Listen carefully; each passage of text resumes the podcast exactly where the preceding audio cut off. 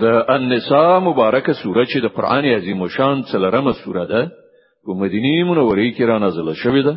یو سل شپږاویا مبارک آیاتونه لري تلاوت او پښتو ترجمه یې له دولسم آیت څخه اوري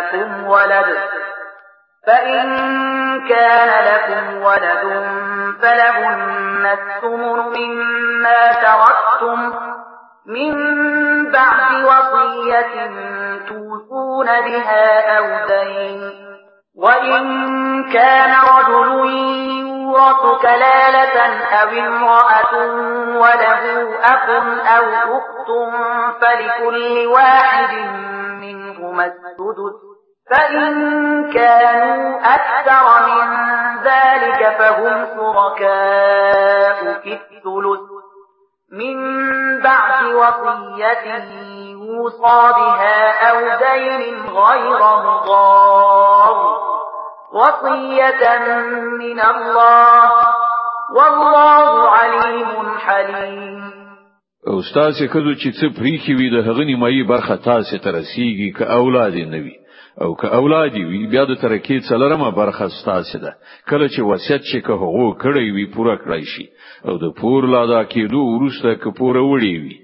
او هغه به ستاسو له ترکې نه د څلرمه برخه حقدار وي که به اولاد وي او که ستاسو اولاد نو بیا د هغه اتمه برخه ده ورسته د وصیت له پوره کولو نه که تاسو وصیت کړی وي او ورسته د پور لا ادا کولو نه که پوره وړي وي او که هغه نارینه یا خزه چې د هغه میراث باید وویشل شي به اولاد هم وي او مور پلار هم ژوندي نه وي خو یو مورنۍ ورور یا یو مورنۍ خور موجوده وي نو ورور او خور هر یو ته بشپګمه برخه ورسیږي او کورونه او خويندې لیونه زیات وي نو د ټوله ترکیب په دریمه برخه کې به هغوی ټول برخه والوي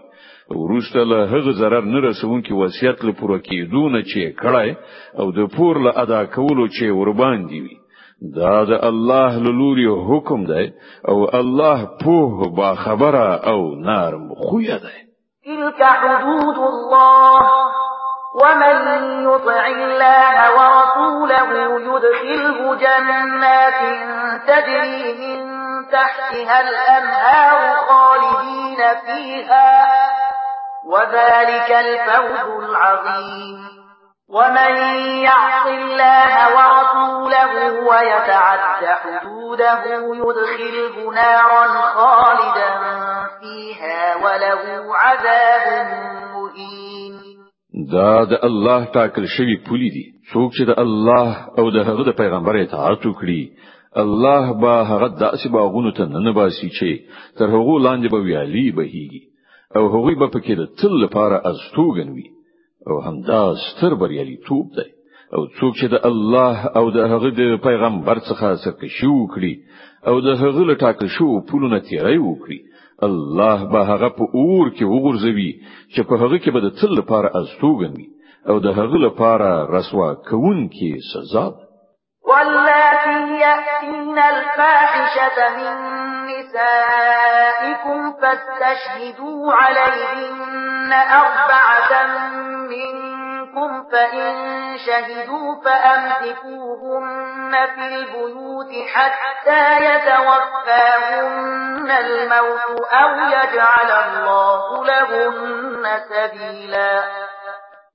ستاسو له خزونه چې څوک بدلمنی وي پر هغه باندې له تاسو څخه څلور شاهدان ونیسي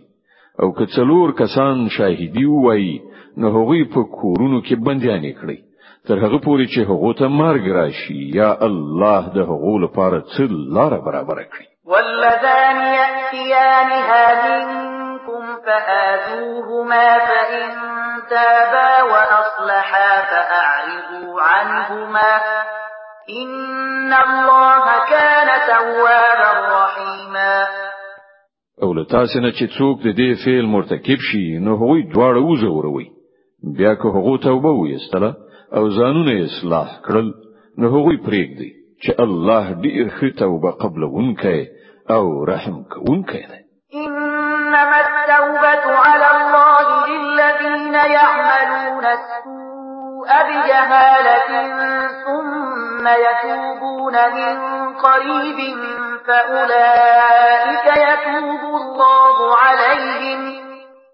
وكان الله عليما حكيما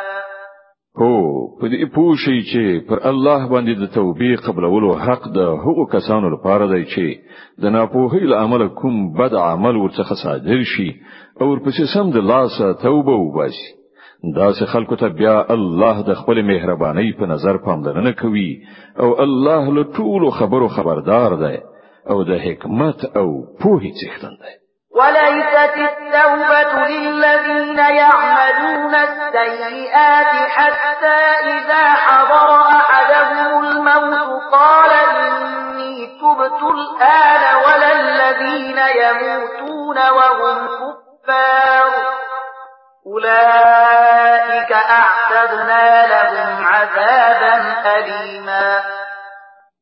خو د هغو خلکو لپاره توبه نشته چې پر لپسې بد کارونه کوي تر دې پورې چې کله له هغونه د یو تند مرګ نیټه را رسیږي نو په هغه وخت کې وایي چې اوس می توبه ویستله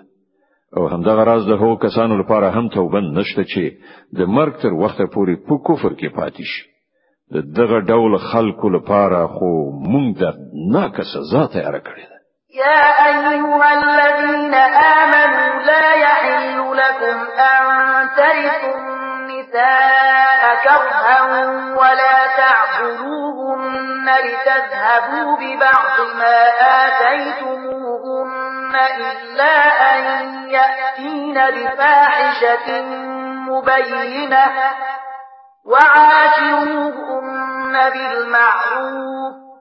فإن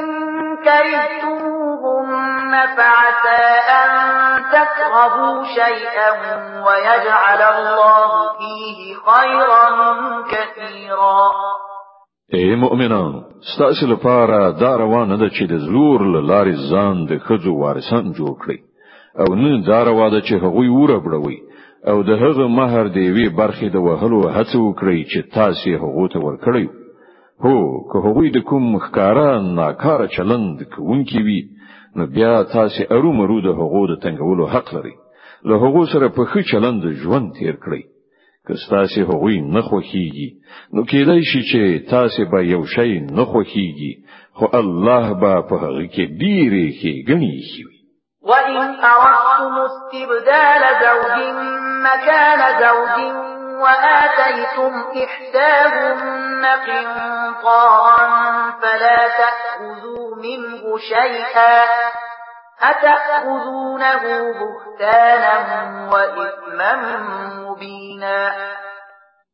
او که تاسو دی وی خزي پر ځای د بلې خزي راوستلو اراده وکړئ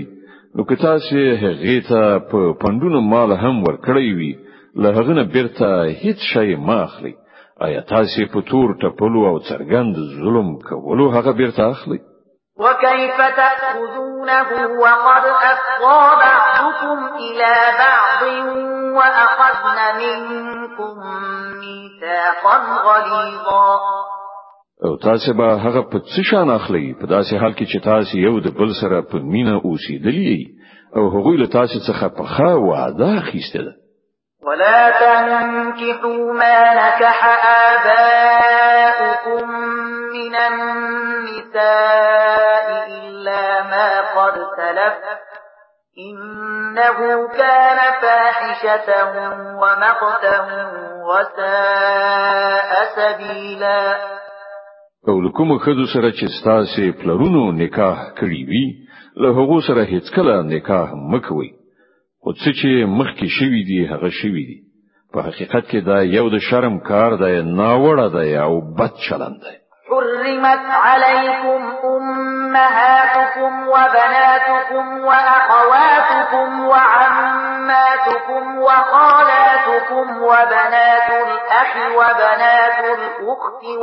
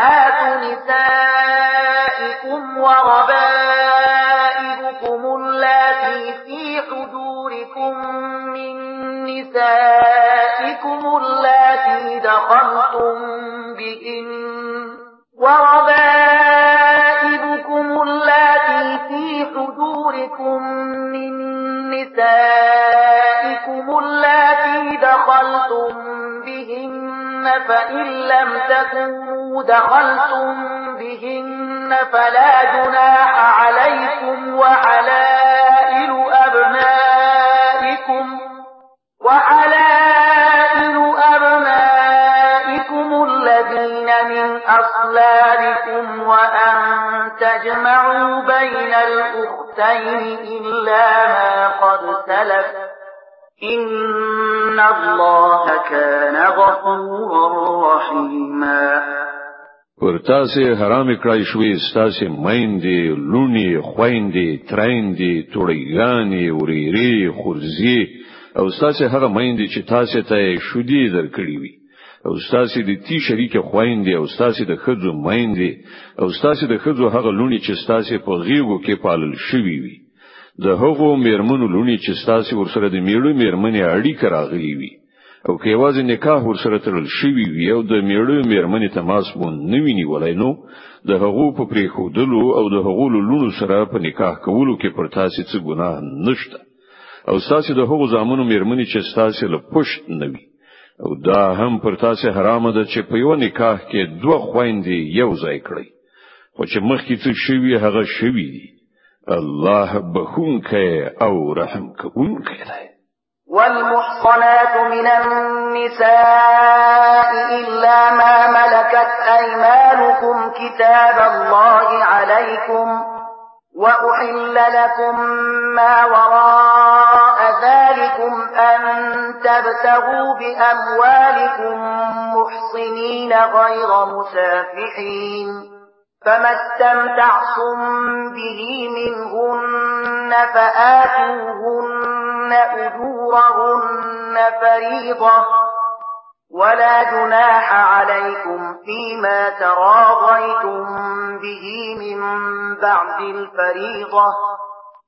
ان الله كان عليما حكيما او هغه خځه هم پر تاسو حرام دي چې د کوم بل چا په نکاح کې وي البته هغه خځه لدینه مستثنا دي چې په جنگ کې درته پلاس درغلي وي دا د الله هغه قانون دی چې پر تاسو اطاعت لازم کړی شوی دی لدې پرته چې نورې څومره خځې دي تاسو ته د خپل مالونو په وسیله د هغو په لاس راوړل روا کړی شوی دی په دې شرط چې د نکاح په چوکاټ کې راولي نه دا چې په آزاد شهوت رانی لاس پورې کړی نو بیا کله چې له هغو نه د ازدواجی ژوندانه خوند واخلي د هغه په بدل کې ورته په فریضي ډول مہر ورکړي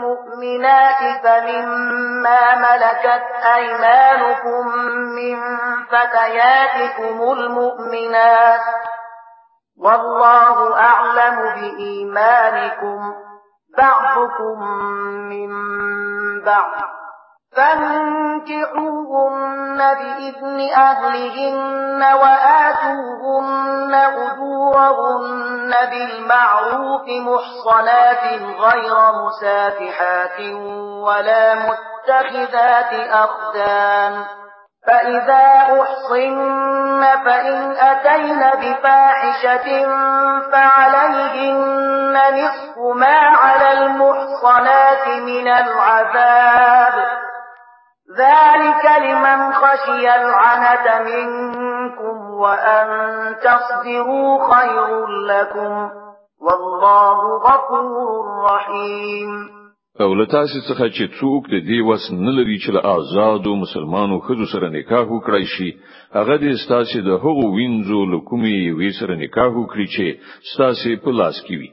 الله ستاسو د ایمان په حال خو پوهیږي تاسو ټول دی وی ډلې خلک یاست لدې امله د هغو د سرپرستانو په اجازه له هغوی سره نکاح وکړي او په ښه معروفه توګه د هغو مہر ورکړي ترڅو چې هغوی د نکاح په بندیز کې خوندي پاتې شي په آزادې شهوترانۍ پسې ونه ګرځي او نه په غلا او پټه یاراني وکړي نو کله چې هغوی د نکاح په چوکاټ کې خوندي شي او بیا ورسته له هغه کومه بدلمنی غوړه کړي نو پر هغه باندې د هغه مجازات نیمایي دي چې د آزادو خځو لپاره ټاکل شوی دي دا اسانتیا له تاسو څخه د هغو کسانو لپاره منځته راوړل شوې ده چې له هغو سره د میرمنې نه لرلو له مخې د حدودو د ماتولو اندېښنه وي او که تاسو له زغم نه کار واخلئ نو دا ستاسو لپاره غوره ده او الله بخونکی او رحم کوونکی دی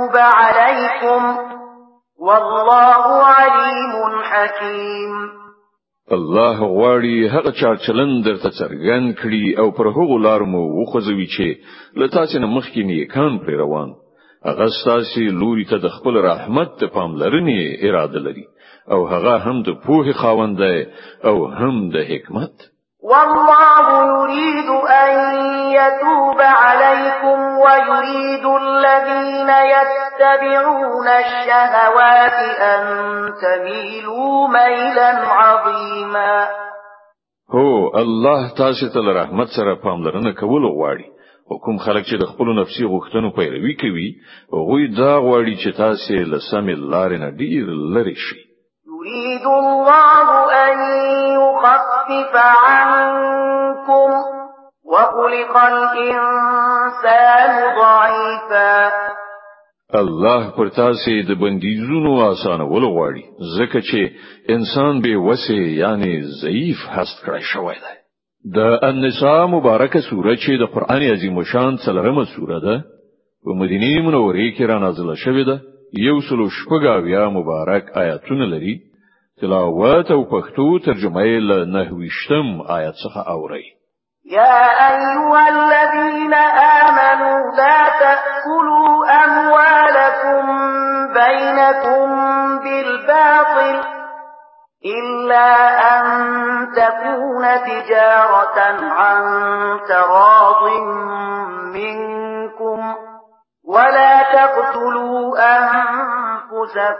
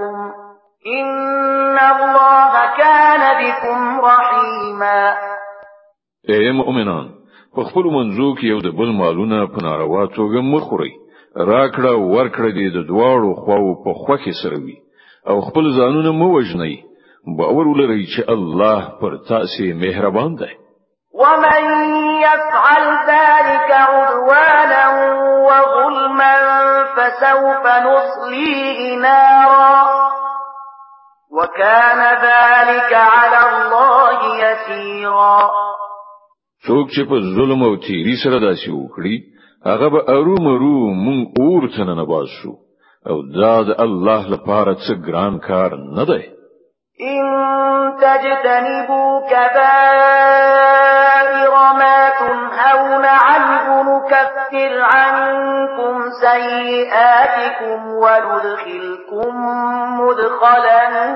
کریما که تاسو له هغو ستر ګناهونو څخه ډډه وکړئ چې تاسو ورڅخه منع کیږئ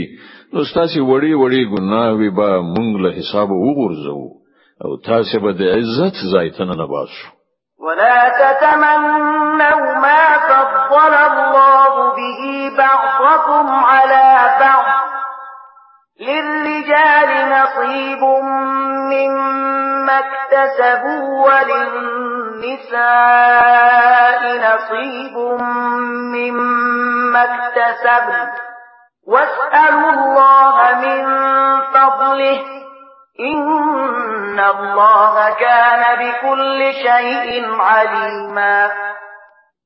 او ته چې الله له تاسو نه جنو ته د جنو نور په پرتله زیات ورکړي دي د هغو هیله مکوي د نارینه برخه د هغو د کړو وړو سره سمه او د خځو برخه د هغو د کړو وړو سره سمه ده هو له الله څخه د هغه د فضل دعاګانې غواړي په دې کې شک نشته چې الله په هر څه پوه دی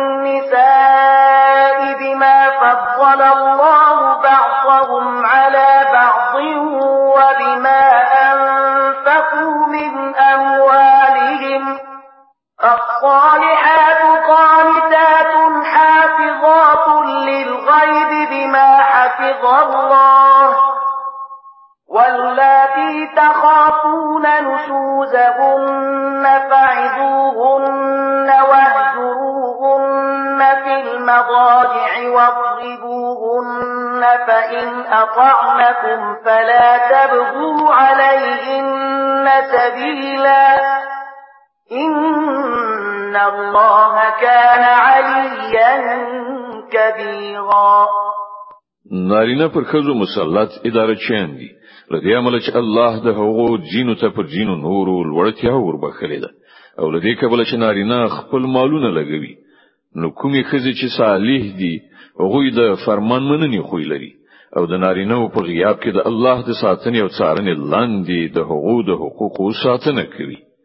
او تاسو چې د کوم خزو له سرغړونې څخه اندېښمن یاست هغه لومړی پوښ کړئ او بیا د خوب ځایونه ورڅخه جلا کړئ او بیا یې ووهئ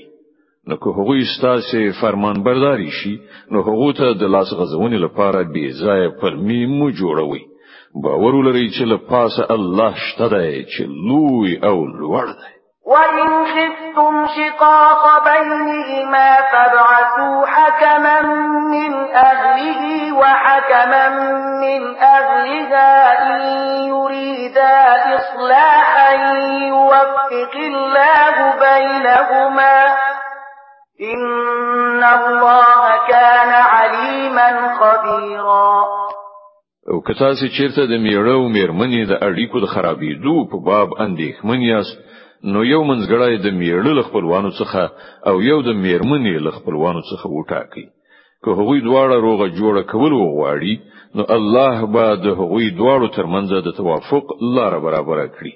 الله په هر څه پوه او با خبره ده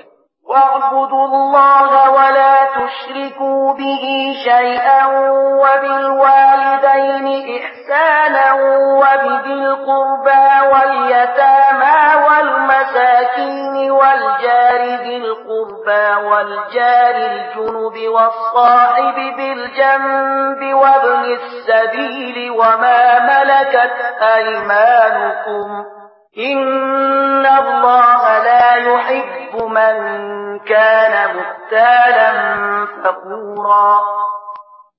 او تاسو ټول د الله بندگی وکړئ له هغه سره هیڅ څوک شریک منی سي له مور او پلار سره غوړه روي وکړئ له خپلوانو یتیمانو او مسکینانو سره نیک چلند وکړئ او له خپلوانو گاونډیو سره پردیو گاونډیو سره د څنګه ملګری او پردی سره او له هغو وینځو او غلامانو سره چې ستاسو په لاس کې وي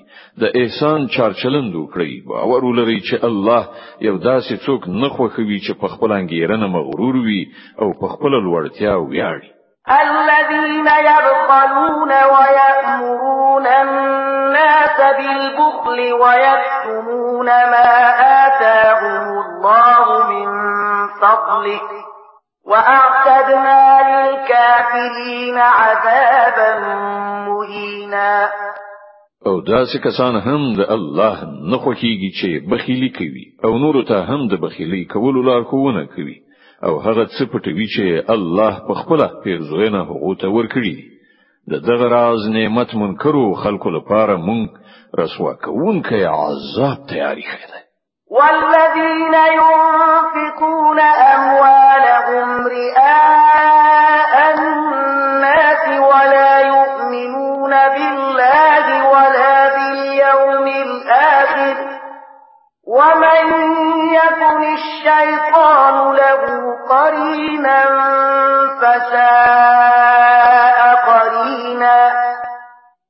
او هغه خلک هم د الله نه خوښيږي چې خپل مالونه صرف خلکو ته د خو دلو لپاره لګوي او په حقیقت کې نه پر الله ایمان لري نه د آخرت په ورځ رښتیا دا ده چې شیطان چې د چا ملګری شي د هغه ډیره بده ملګرتیا په برخه شوه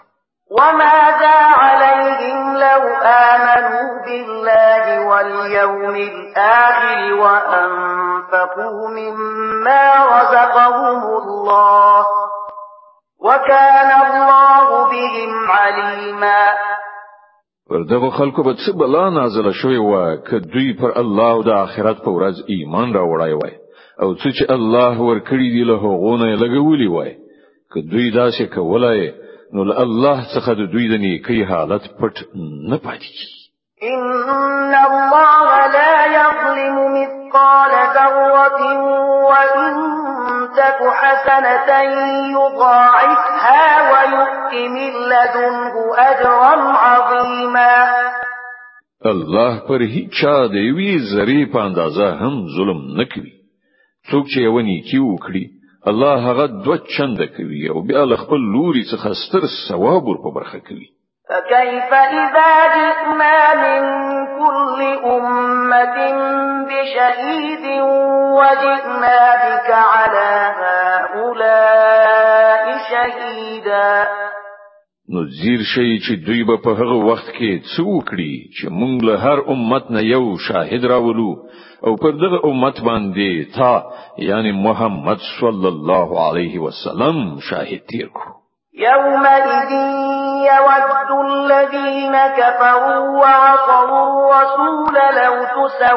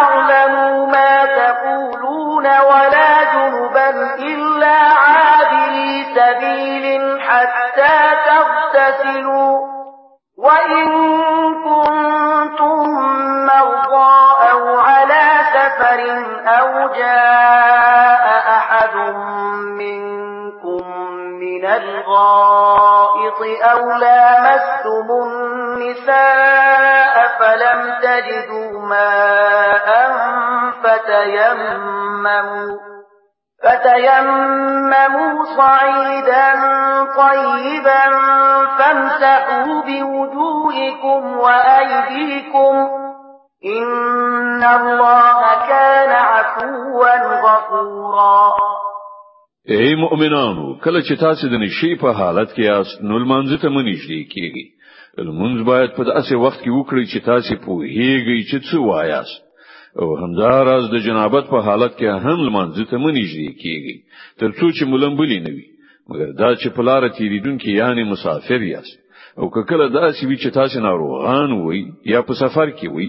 یا له تاسو نه څوک قضای حاجت وکړي راشي یا تاسو خود سره یو ځای شوي یاست او بیا وبو نه مومي نو لپاره کې خاورینه کار واخلي او له هغې نه خپل مخونه او لاسونه مسح کړئ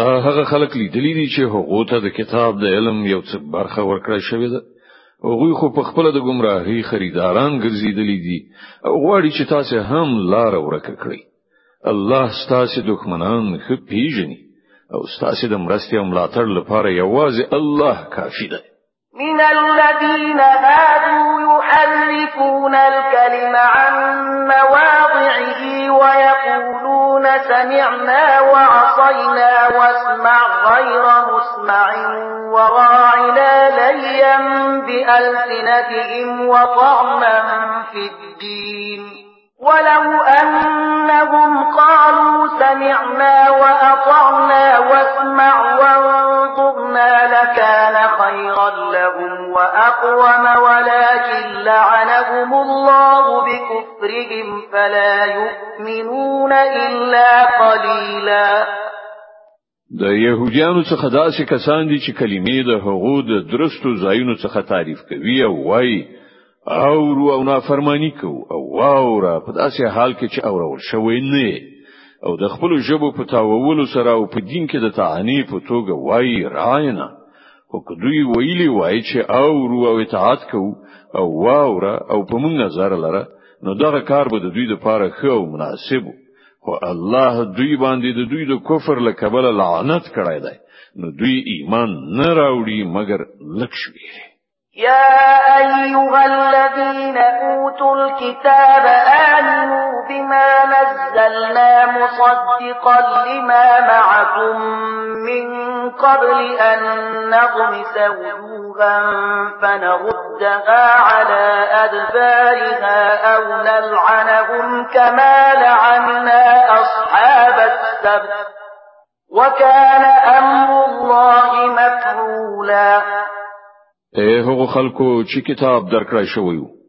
هغه کتاب ومني چې مونږ اوس نازل کړی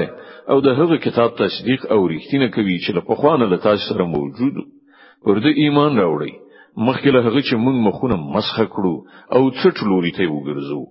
یا دوی په هغه شان لعنتیان کړو لکه چې د سبت خاوندان مو کړیو او په یاد لري چې د الله حکم نافذي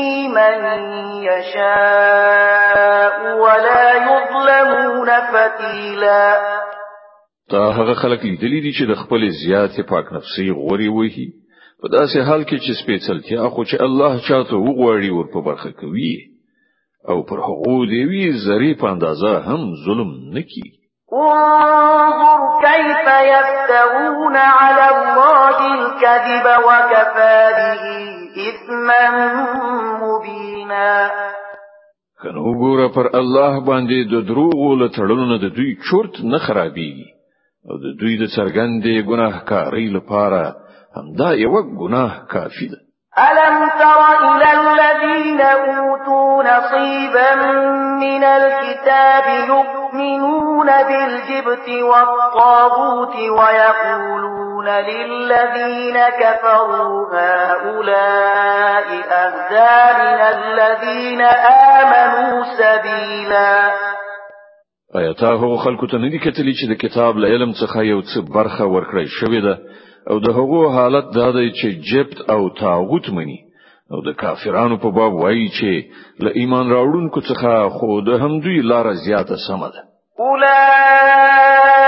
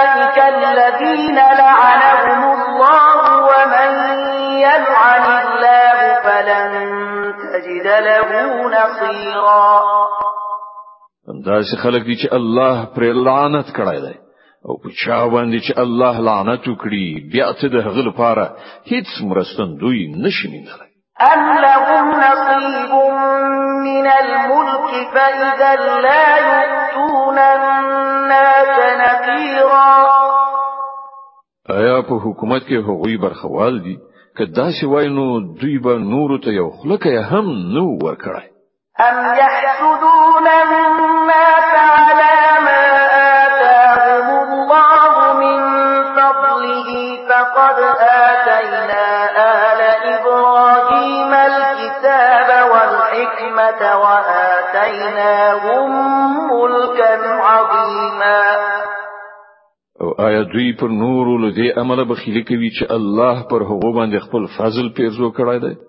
که دا خبره وینو دوی ته دې معلومه وي چې مونږ خو د ابراهیم اولاد ته کتاب او حکمت ورکړی او ستره پاچاهي مور بخلې ده فمنهم من آمن به ومنهم من صد عنه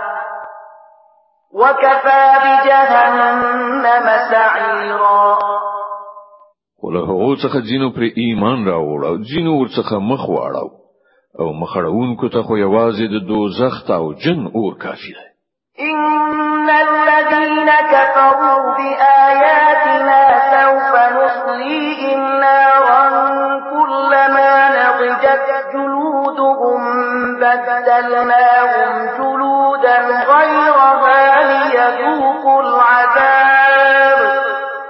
إن الله كان عزيزا حكيما کوم خلکو چې زمونږ د آیاتونو لمنلو څخه انکار کړای دی هغوی به ارو مرو مونږ اور ته نه باسو او کله چې د هغوی د بدن په ټوکی وسوځول شي نو د هغو پر ځای به نور په ټوکی ورکو ترڅو چې هغوی د عذاب خوند خو وڅکي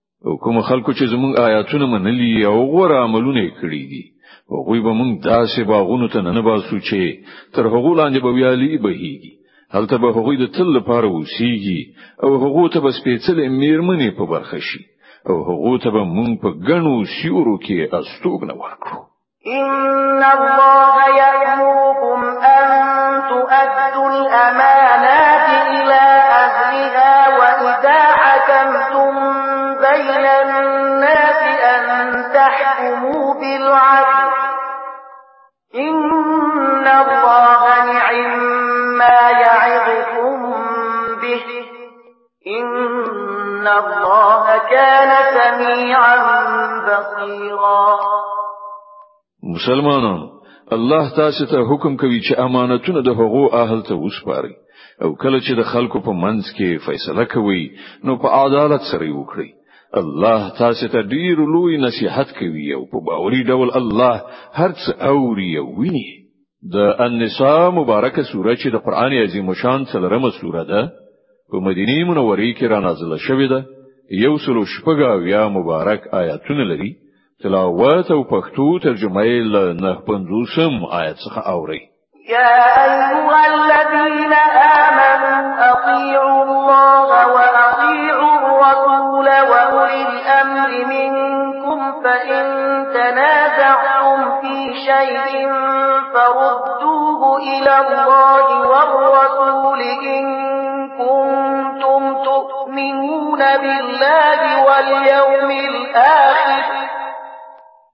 ذلك خير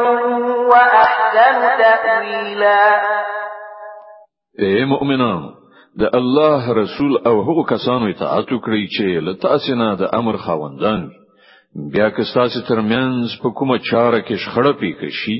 نو هغه د الله او رسول لوري ته محوله کړئ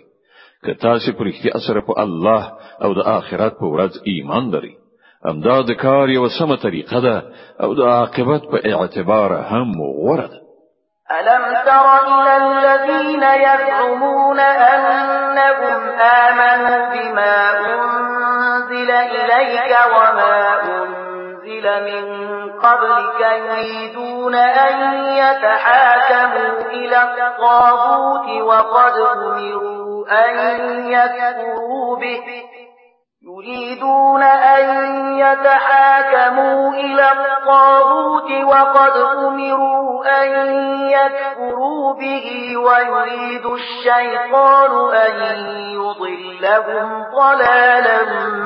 بعيدا ای پیغمبره تا هغه خلکو ته نه دي کتلی چې دا وا خو کوي چې مونږ په هغه کتاب چې تا ته راغلی دی او پر هغه کتابونو چې له تا څخه مخکې نازل شوی وو ایمان راوړی دی غواړي دا چې خپل چارې د فیصلې لپاره د تاغوت یعنی شیطان لوري ته محولي کړي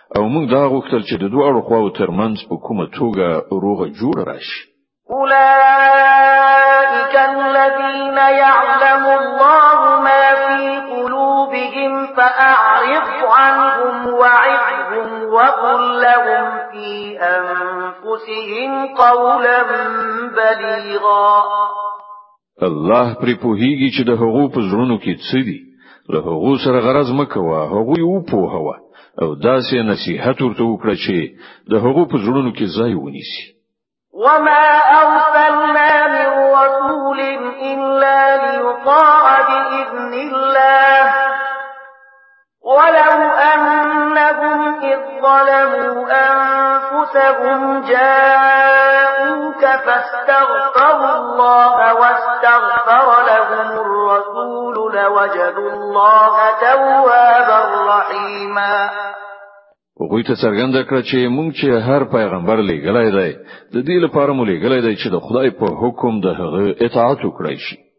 که هغه دا لار غوړه کړی وای چې کله پر خپل ځانونو ظلم کولای نو تا ته راتلای او له الله نه بخنه غوښتلای او پیغمبر هم ورته د بخنه غوښتنه کولای نو شک نشته چې الله به بخون کوي او رحم کوونکی مندلای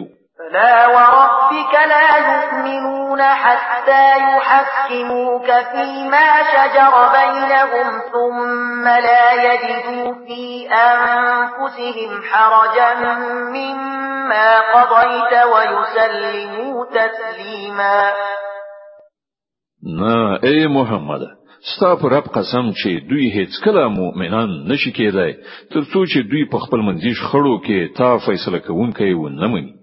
بیا چې ته څه فیصله وکړي پر هغه باندې په خپل زړونو کې هم څه تنګي احساس نکړي بلکې لسره تر پای ومني صدق الله العظیم الله ستر رښتیا ویونکی دی